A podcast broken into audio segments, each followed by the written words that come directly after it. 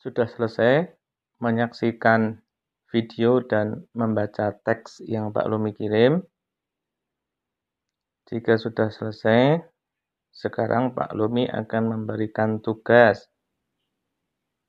Tugasnya bisa dikerjakan secara mandiri, bisa juga dilaksanakan dengan bekerja sama melalui diskusi dan chatting dengan teman sekelas. Tugas yang pertama, jelaskan pengertian puasa. Yang kedua, sebutkan dan jelaskan hikmah dan manfaat dari puasa. Kemudian tugas yang ketiga, sebutkan dan jelaskan syarat sah dan rukun puasa.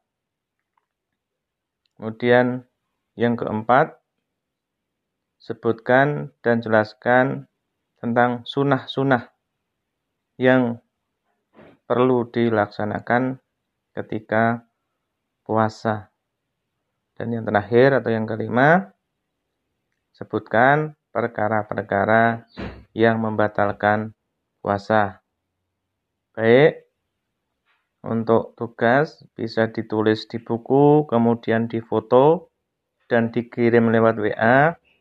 Bisa juga diketik melalui Microsoft Word atau direkam audio seperti ini, dikirim melalui podcast, bisa juga direkam melalui video dan dikirim ke Pak Lumi.